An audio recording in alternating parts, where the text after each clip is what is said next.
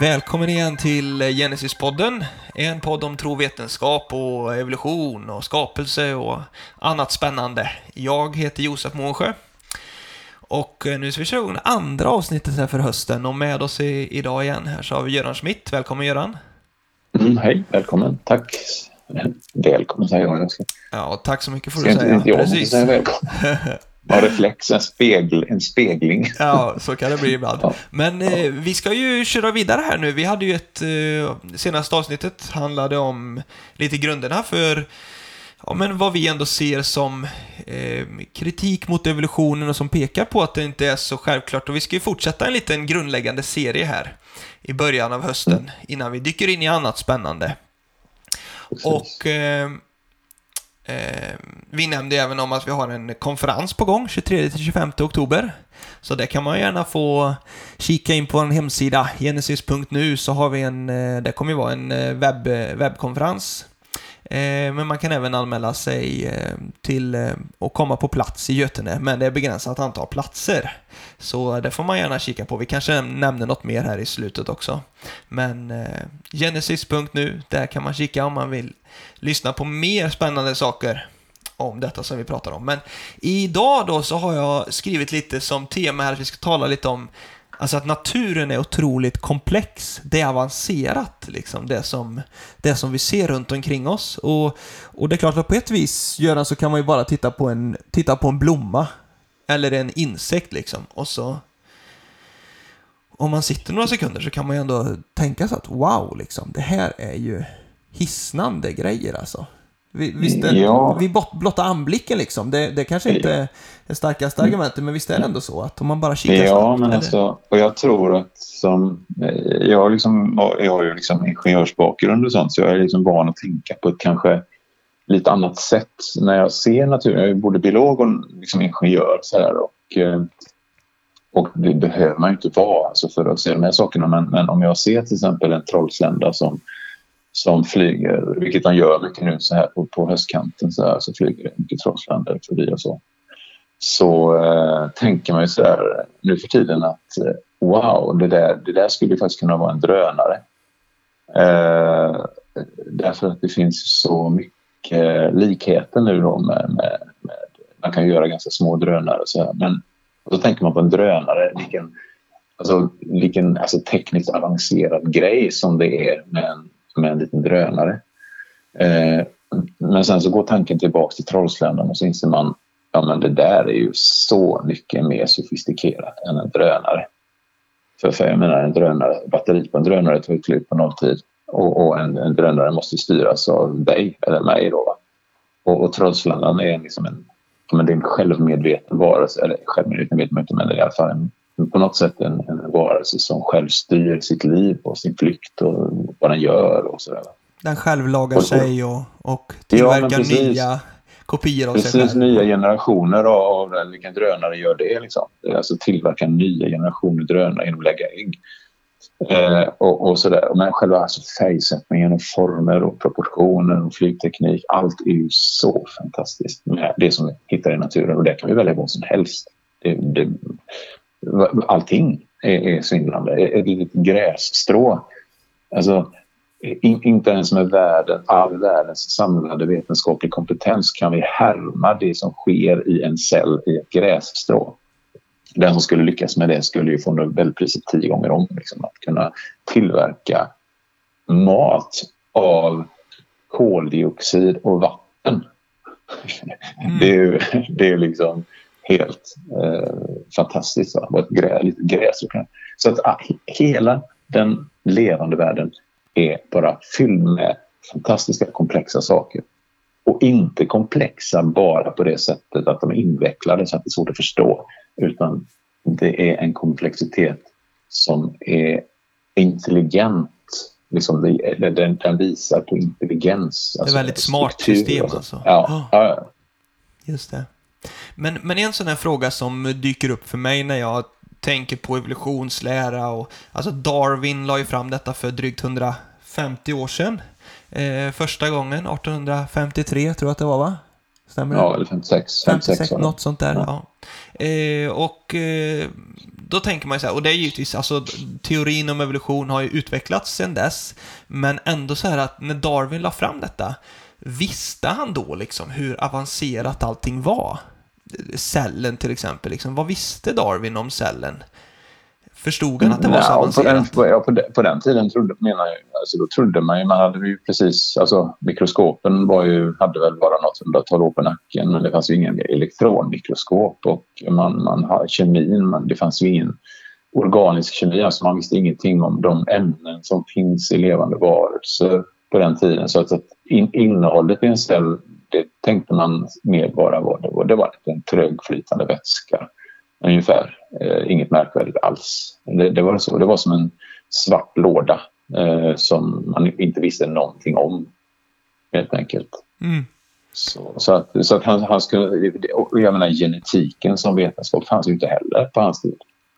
Så att det, man visste ju i, ingenting utan Darwin utgick ju helt enkelt ifrån sitt. Eh, jag menar den kunskap som man hade på den tiden, den var ju väldigt eh, den var primitiv jämfört med idag. Ja. Och det är klart, på ett vis då så är det ju inte...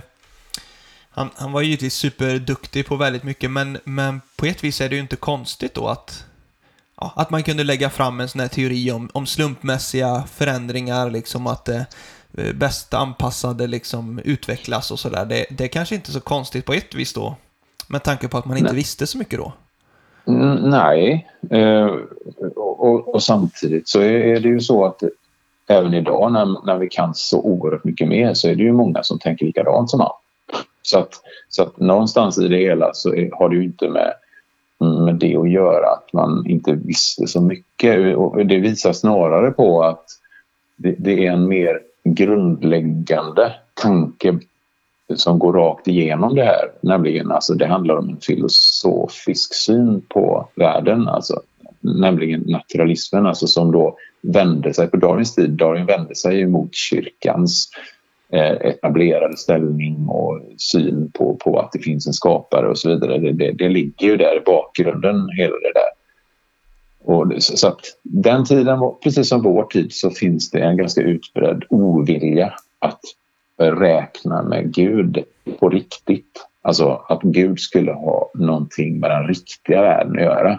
I kyrkan får man gärna ägna sig åt Gud men, men i den riktiga världen där, där är liksom Gud bannlyst. Liksom, eh, mm. Politiskt inkorrekt skulle man säga.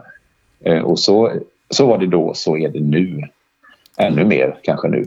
Faktiskt. Och det kan ju låta lite konstigt detta, men då om man tar alltså lite exempel då. Kan du, kan du lyfta fram något exempel på verkligen komplexiteten liksom i, mm. i naturen?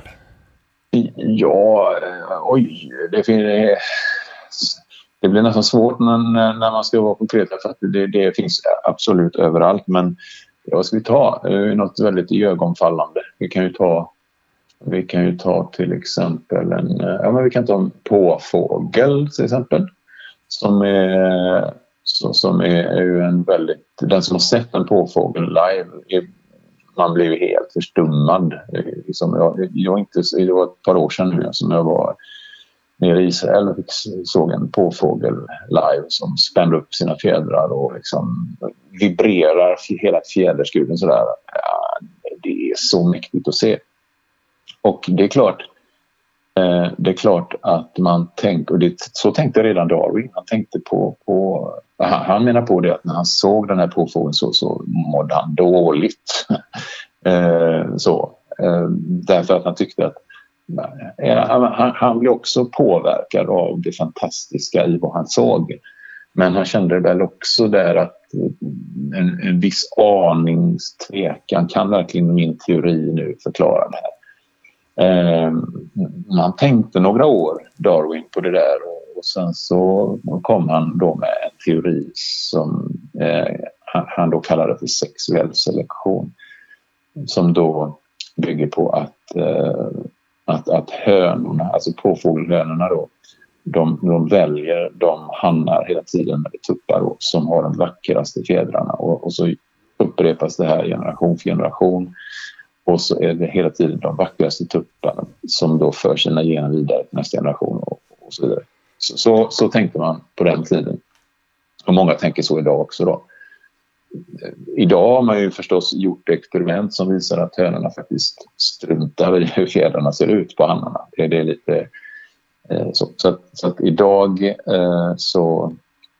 Eh, ja, så att komplexiteten i en påfågelskrud den, den kan alltså inte kopplas till hönornas urvalsförmåga. Då. Mm, mm. Och det är klart, det är ju, ur en skönhetsaspekt liksom, så är det ju en otroligt komplex eh, figur, ja. liksom, påfågeln. Ja, det, det, det, det, är svårt, ja. det, det, är svårt att ens, det skulle ta lång tid att beskriva liksom, den, den uppbyggnaden. Men alla, de alla vackra färger man ser i naturen rent generellt, eh, just de där mest intensiva Eh, färgerna i naturen, som till exempel påfågelfjädern, då, alltså den här stjärtäckaren där bak på med ögonbilderna. Då. Eller på en fjäril för all del. Fjäril, eh, fjärilsvingar. Det finns ju påfågelögon faktiskt. Det finns en fjäril som heter just påfågelöga faktiskt. Som har också den här liknande ögonmärken på sina vingar.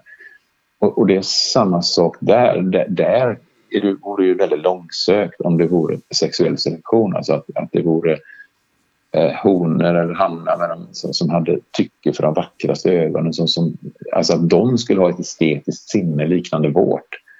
Eh, det, det, är ganska långsökt tanke. Liksom.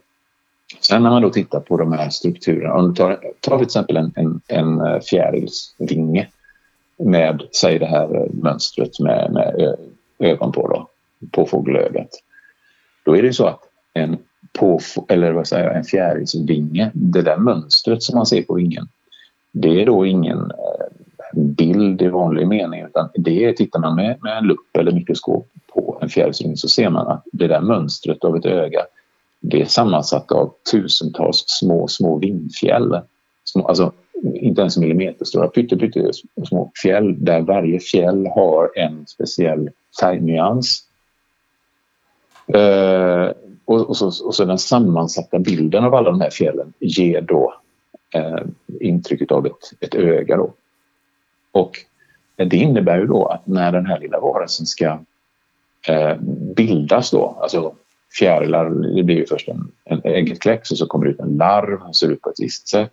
Och sen så går den in i ett puppstadium och då, då, då upplöses hela den där varelsen, den där larven, alla inälvor, allting bara löses upp till någon sorts näringssoppa. Så det är bara några få celler som blir kvar. Och från de cellerna sen så bildas då en helt ny varelse. Då. Så det, det, de fjärilar har, det är bara en parentes, men då har ju de liksom ett, ett, dat, ett program i DNA som egentligen kodar för två helt olika varelser. Där det första är en larv, en ätmaskin och det andra då är den som blir fjärilen. Men det programmet då i DNA det måste då specificera precis var någonstans som varje liten enskild sånt där litet eh, färgat fjäll ska sitta på vingen eh, och vilken, vilken nyans det ska ha och vilka koordinater ska ha, x och y-led och placera det på rätt ställe. Så att, så att det, det, krävs en enorm informationsmängd för att det ska bli det där vingmönstret från generation till generation. Så vi snackar om digitala bilder där. Och eh, mängden är gigabyte eh, för att få... Och nu, vi pratar bara om en, en fjärilsvinge. Eh, så, så, så, så det där kan man överföra på allt levande. Allt levande har hisnande mängder med komplexitet med information som är strukturerad, inte bara hur som helst, allmänt invecklad utan på ett fantastiskt intelligent sätt det, det, det, är fascinerande. Just det, och vi ska, vi ska prata lite mer om DNA och sånt i något senare avsnitt här, jag har tänkt. Men mm. det är klart, det är ju otroligt avancerade grejer liksom med jag vet, du har nämnt någon gång om så här att, att DNA-koden, liksom, den här äh, helix, eh, ja, två dubbelsträngade grejen, den, alltså den är datakomprimering och sånt där, liksom, att, att själva kodningen liksom är otroligt avancerad också. Mm. Ja, men, jo, men det är den ju. Och det är ju det är också märkligt liksom, i en tid när, när under, under många, många år så har evolutionsbiologer hävdat att det mesta av arvsmassan hos både människor och, och insekter och allt annat levande består av skräp. Att det är lite ironiskt att, att just i samma tidevarv så, så, så förstår, ser vi mer och mer då hur mycket information som döljer sig i det där skräpet och att eh, att, att arvsmassan, eh, den bild av arvsmassan, av DNA som man har idag, eh, det liknar det är mer att man, man, man ser, man, man gör liknelsen med datorer och med datorsystem. Eh, så, så att, till exempel är det så, jag vet inte om det var det du tänkte på, men till exempel är det så att när, när jag gick i gymnasiet till exempel för, för en hel del år sedan, jag tror att man lär sig ungefär samma sak nu, då fick man lära sig att informationen i DNA går längs den ena, DNA är en dubbelsträng som är spiralvriden sådär va. Och den ena strängen då, där fanns informationen då i den här koden med, med C och T och A och G och sånt där. Och sen den andra strängen som man då kallar för den komplementära strängen. Den, den är då bara en spegelbild som, av informationen som sen används när DNA ska kopieras. Då. Men det man upptäckt nu är liksom att det finns information även på den strängen. Och det är ju som att läsa en bok. Det är ju precis som, som att läsa en bok baklänges och det är en annan bok som betyder andra saker. Eh, det, det, är något helt fantastiskt. Så arvsmassan generellt, man, man upptäcker för varje år som går så upptäcker man nya, nya djup i den eh, informationen och hur, hur den fungerar. Så, så att det här finns det ingen hejd på det. Liksom. Eh, så, så det finns en hel, ett helt nytt område inom biologin eh, som kallas för bioinformatik där man jobbar just med informationssystemen i levande varelser. Och det vittnar inte om slump, och tillfälligheter och naturlagarna som väljer ut och så vidare. Utan det här, det här vittnar om en fantastisk design. Ehm, så, så att, eh, så, så och, det, och, det, kan man det, tänka då när man, alltså de här avancerade grejerna liksom och DNA, vi ska prata mer om eh, lite DNA och, och, och sådana grejer kommande, men, men är inte detta jobbigt liksom för vetare då liksom att det ser så designat ut liksom, det ser så smart ut. Ja, alltså den, den här, den här eh, idén om skräp-DNA, att, att till exempel 98 procent av människans DNA består av skräp, det, det är någonting som man har förväntat sig utifrån att jag menar, en slumpmässig evolution eh, som inte är styrd eller som inte utan, utan bara det blir vad det blir. Liksom. Så, så det, det, det är helt enkelt. Och det är klart att när en sån idé utmanas av nyare forskning, det finns ett projekt som heter Encode som vi kanske kommer att prata om senare, som effektivt har bara vederlagt hela idén om skräp-DNA. Det, det, det, det blir liksom panik. Det, det, har varit enormt mycket motstånd och man har beskyllt forskare från hela världen för att liksom vara helt fel ute och dra felaktiga slutsatser. Men, men mer och mer så tystnar de där rösterna som hävdar att det är skräp i våra gener. Eh, och det är vad vi har sagt, eh, vi skapelsetron har sagt detta i decennier. Då har vi sagt att vänta och se, har vi sagt. Vänta och se kommer ni upptäcka. Det, det är inte skräp i våra gener utan det, det, det är funktion, syfte, mening, mål. Sådär. Och nu, nu, är, jag menar, nu är det så. Nu, är, nu börjar alla inse att ja, men så var det faktiskt då. Det innebär inte att man överger evolutionsteorin. Nej. Nej. det kommer man aldrig att göra, tyvärr. Mm. Men, men det är mot bättre vetande som man håller fast, fast vid den, kan jag säga.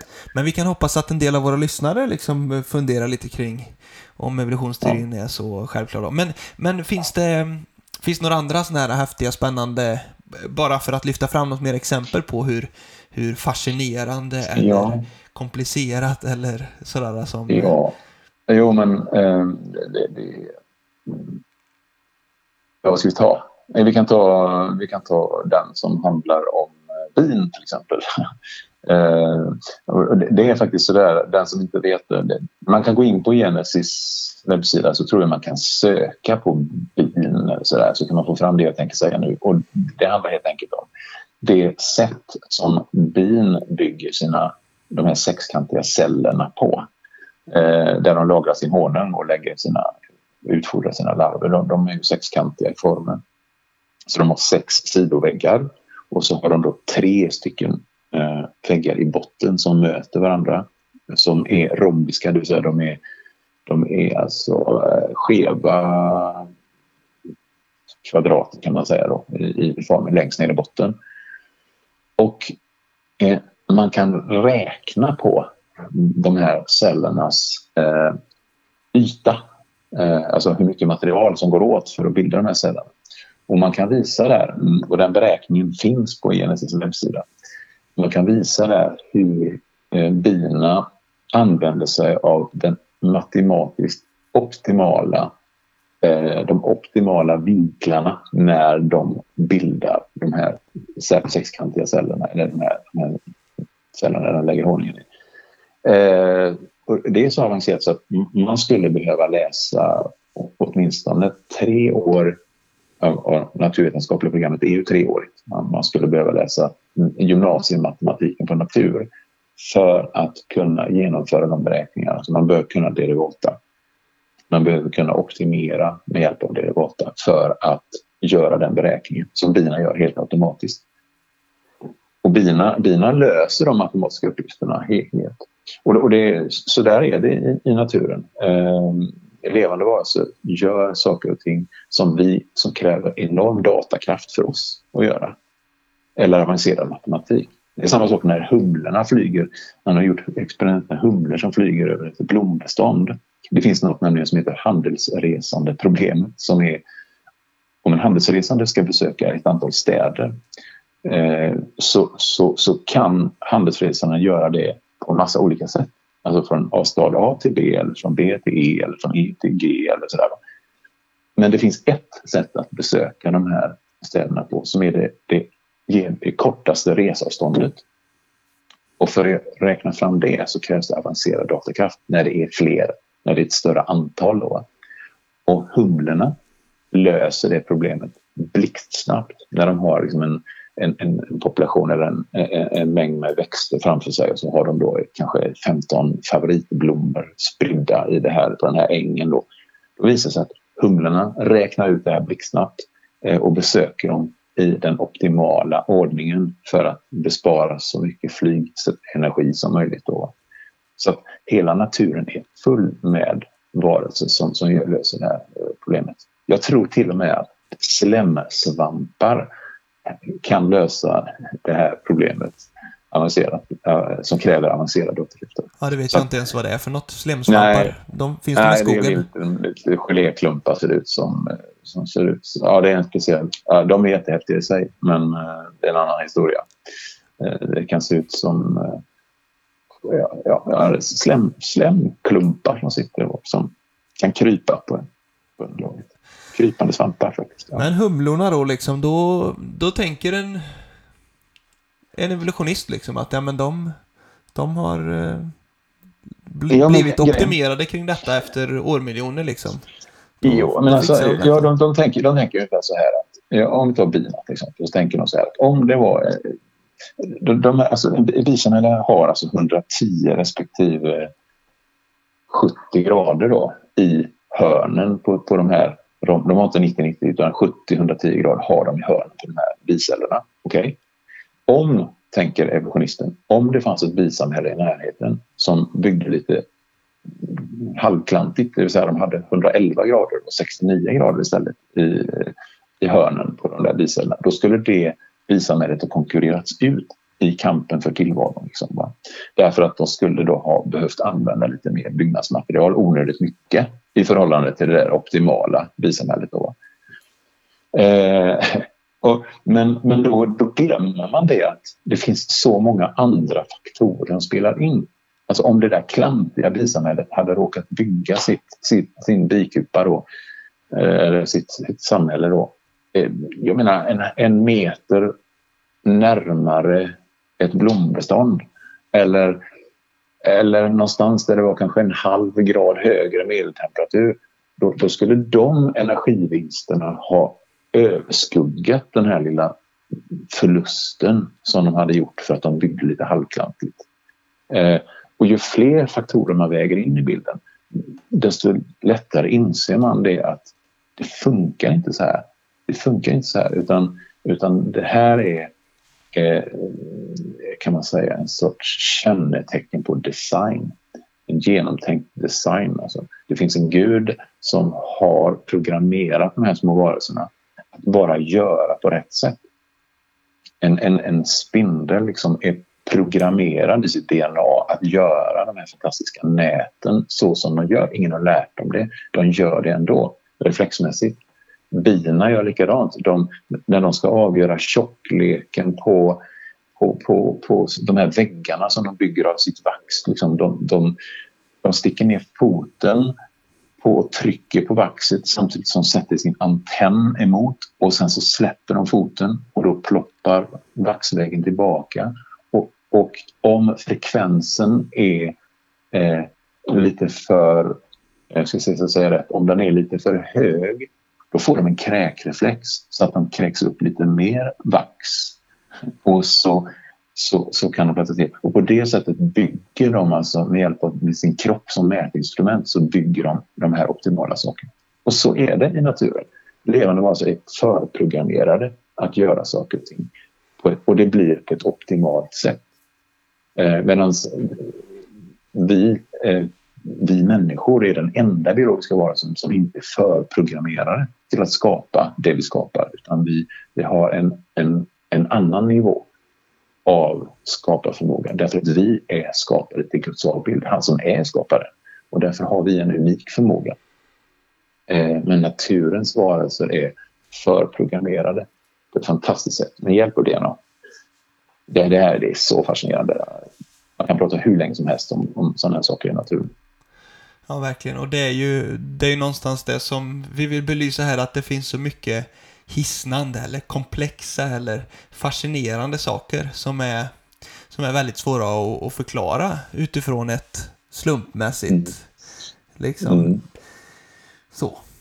Om man, man, eh, jag, jag, brukar inte göra reklam för mig själv men, men eh, just när det gäller de, sådana här saker som har med naturen att göra så Eh, är jag, det finns en radiostation som sänder över närradionätet som heter Radio Hope.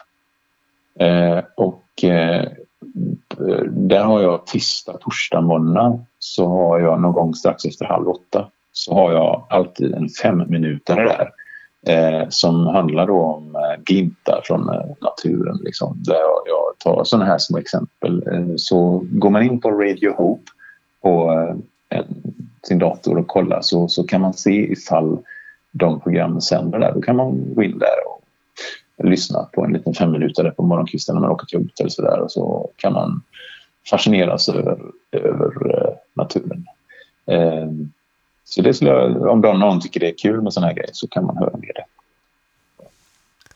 Precis, och då känner man ju bara liksom wow, liksom, hur, och hur, hur kan man tro att det här bara är slump? Eh, det, idag, vi vet mer än Darwin, har jag skrivit här då, eh, på ett vis. Att det, det har uppkommit väldigt mycket spännande saker i naturvetenskapen på 150 år. Eh, ja. Det borde ge anledning till fler att tänka till. Ja, precis. Och det, och det är ju det här att inse, att förstå rent intellektuellt att det måste finnas en gud det är början på någonting helt fantastiskt. Alltså det, det, är början, det, det, är en startpunkt på någonting. Och jag tycker att, alltså att där bör var och en bara tänka till lite grann. Tänk om det verkligen är så. Att det är sant det här som vi säger här. Alltså att det finns en designer bakom livet. Då, då borde det ju rimligen vara hur viktigt som helst att ta reda på vem är den här designern? Kan jag få reda på det? Och det är svaret som vi har. Det är ju faktiskt ja. Om man söker honom uppriktigt så, så kommer man att finna honom. Och vi, har, vi, vi kan säga direkt att där i, man, man finner honom genom Jesus, genom Jesus Kristus. Och det är liksom en lång historia och det låter liksom, hänger i luften, själva grejen, när man bara säger det så. Men det är en verklighet. Och det skapar, man kan få en personlig relation med skaparen, designen bakom livet det, det, det är det viktigaste som man kan säga i den här radion. Yes, jag, jag, kan inte säga annat än ja på det. Utan det, mm. det vill vi verkligen uppmuntra till. Att vara med och, och, och, söka och se liksom vad det här verkligen som finns och ligger bakom. Men eh, härligt Göran, vi har tagit lite enkla exempel på på hisnande saker, komplexa saker.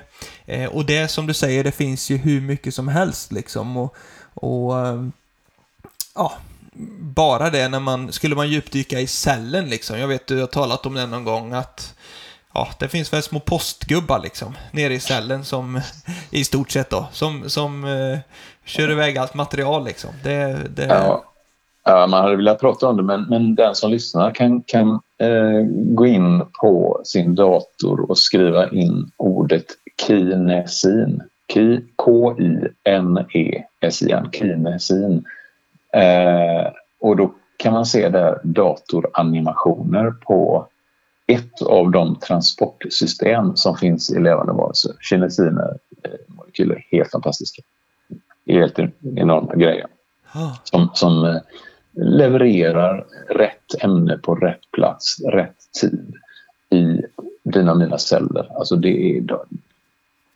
Och det, det är men det är så här, man, det spelar ingen roll var man dyker ner i den levande världen och tittar på detaljer. Så bara, det bara öppnar sig en värld av fascination. Man bara, man bara man sitter förstummad och bara ser att det. Och det märkliga är att en person kan sitta och titta på det där och man ser ingenting, man ser liksom inget märkvärdigt med det. Man, man kan säga så här att ja men jag ser ingenting i den levande världen. Jag ser ingenting som överhuvudtaget skulle få mig att tänka på Gud. Medan en annan person, som jag till exempel, och många med mig, vi, vi ser den här saken och vi bara säger Wow, Gud, du är så fantastisk. Du finns där överallt. Allting är så sinnrikt, så fantastiskt i, i, i och, och här lever vi på samma planet, på samma arbetsplats och man kan se världen så helt olika. Jag tror att det enda som behövs det är att man har ett öppet sinne och tänker tänk om Gud ändå finns. Uh, men men uh, ja, det är märkligt det där. Och det, det... Med de orden så tror jag vi ska avrunda dagens ja. avsnitt. Och mm. Eh, jag nämnde i början, vi har ju en eh, årskonferens på gång i eh, Götene 23-25 oktober. Där vi kommer ha spännande föredrag. Man kan, föredrag. Man kan lyssna på nätet eh, eller anmäla sig till plats. Så, Precis. Så och det, det, vi kommer till exempel ha ett föredrag som handlar om Kinnekulles eh, geologi och hur det är kopplat till Bibelns syndaflod. Det kan vara intressant. Vi ska ha en exkursion också på söndagen. På och, det, och det betyder vi, att man går ut och gräver lite? Man, man går ut så kommer vi se om vi, om vi hittar lite fossil från den tiden när, när de här berglagren bildades under katastrofiska omständigheter. Inte under miljon, hundratals miljoner år utan under katastrofiska omständigheter på den tiden när Noa eh, levde. Just det. Som vi tror. Så mm. det är ju mycket spännande grejer. Kika gärna på vår hemsida. Genesis.nu så finns det mer information om årskonferenser och eh, annat. Eh, men eh, tack så mycket för idag. Ha det bra med er allihopa. Tack och hej. hej.